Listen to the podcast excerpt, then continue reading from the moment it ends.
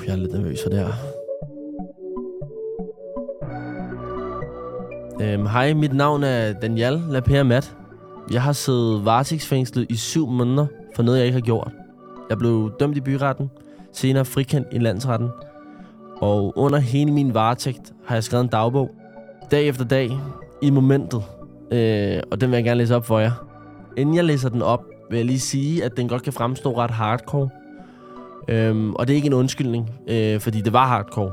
Øhm, jeg vil bare lige advare jer, inden I lytter. Udover at hele dagbogen er skrevet derinde, så er den heller ikke skrevet med det formål, at den skulle nå ud til det offentlige.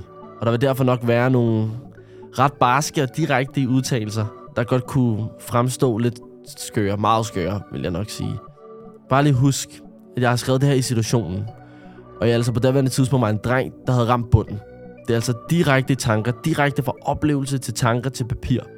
Jeg har ikke læst dagbogen selv endnu, så I får lov til at høre mine første tanker til hvad jeg selv har skrevet i mit livs 100% mørkeste momenter. Jeg vil undervejs reflektere over dagbogen og komme med kommentarer, øh, for at give jer et bedre indblik i, hvad jeg har tænkt med det, jeg har skrevet.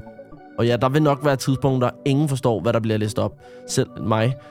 Men igen, den er ikke, jeg har ikke regnet med, at den her den skulle nå ud til nogen. Øhm, så vi må tage det lidt, som det kommer.